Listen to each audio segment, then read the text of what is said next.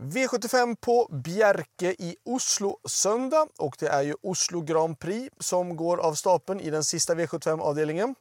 Men i den första V75-avdelningen är det ett långlopp över tre, tre varv. Och favorit blir nummer 6, Fado 7, som är ju en fantastisk häst. Fick, har ju fått stryk i Norge dock. Och eh, lite ställer man sig frågetecken till det såklart. Det är en väldigt, väldigt, väldigt bra häst.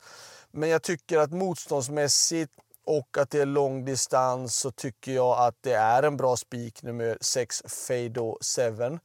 Eh, värst emot och varningarna då tycker jag nummer 7, Hennessy Am är bra. Och nummer 11, Stonefire, tycker jag också är intressant. Möjligtvis nummer 1, Fighter Wang också på start. Den jag kör nummer 4, Kondo Dream, ja, han är väl okej, okay, men han är väl ute på lite väl djupt vatten den här gången, för det är ganska bra hästar med. Plus att då nummer 5, Bottnas Idol är struken, det gör ju att det blir ju på något sätt lite lättare att stå och tillägga om det är en sån häst är borta med. Så att, eh, eh spikförslag på 6, varning på 7, 11. V75 2 så är det väldigt uppåt på ett Cool Tricks. Eh, sagt att den ska leda från start till mål och så kanske är fallet. Men jag tycker att vi ska ta med några mer hästar. Jag tycker nummer 4 The Pirate känns uppåt. Eh, jag tycker att, eh, att vad heter det, mm, eh, nummer 9 Tears in Heaven tycker jag är intressant också. Och ska jag plocka ytterligare några hästar, då säger jag nummer 3 Arco Veggio och 5 Moses Boko. Så att 1, 9, 1, 4, 9 och där bakom 3 och 5. V75 3 är kallblodsloppet och spets kommer nummer 3 HV Tori ta eh, utan tvekan. Eh, sen att det är 600 meter bil så tror jag att det är en fördel och jag tror att han kan ge 8 Tangenborg en rejäl match. Eh, om Tangenborg kommer få gå i döden så ja, då blir det ett helt annat lopp. Visst, han var jättebra på Solvalla, men den gången så var ju det... Jag ringer också. Den gången så var det rygg och den här gången är det utvändigt. Så att för mig eh, rankar jag faktiskt tre före åtta. Men jag vill ändå passa på att varna lite grann för jag tror att det kan bli körning och det kan vara lite fördel för oss på bakspår.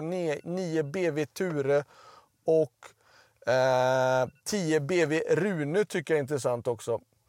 Eh, så att tre 8 utgångshästar. Där bakom 9, 10 och kanske även två Bäcklös Uriel. V75 4. Spik på nummer 7, Clarissa. Jag tror att hon vinner det här loppet. Hon funkar inte senast, men jag tror inte att det är några problem den här gången. Jag tycker att hon möter lättare motstånd och så bra som hon har varit tidigare så tror jag att 7 Clarissa bara vinner det här loppet. Värst emot det tycker jag i sådana fall nummer 1, Ty Brooklyn är i sådana fall. V75 5. Ehm, det här loppet kommer att bli ett taktiklopp, eller taktiklopp, det är den som tar spets tror jag i det här loppet. Om nummer två, Floris Baldwin, lyckas hålla upp ledningen från tre Synergy, ja då tror jag att de har chansen.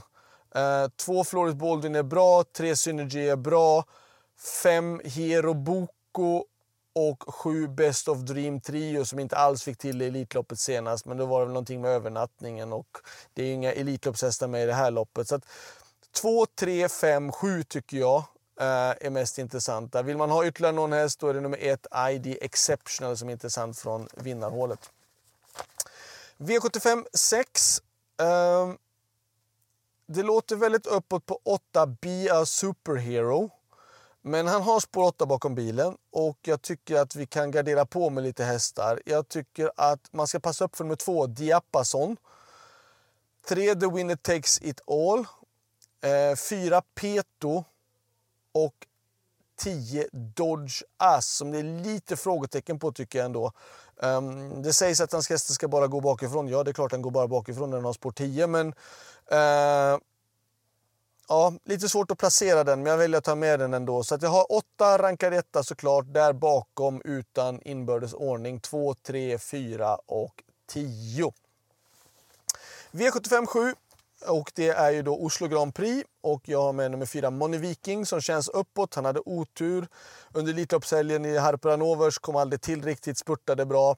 Känns fortsatt fin. Um, värst emot det ser jag som tre Hades de Vandel och fem Oscar LA faktiskt på förhand.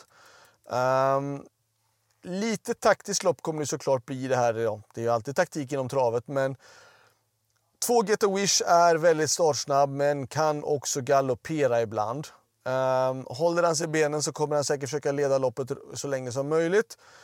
Men det är tuffare motstånd nu än vad det varit tidigare och jag tror att de här eh, 3, 4, 5 är bättre.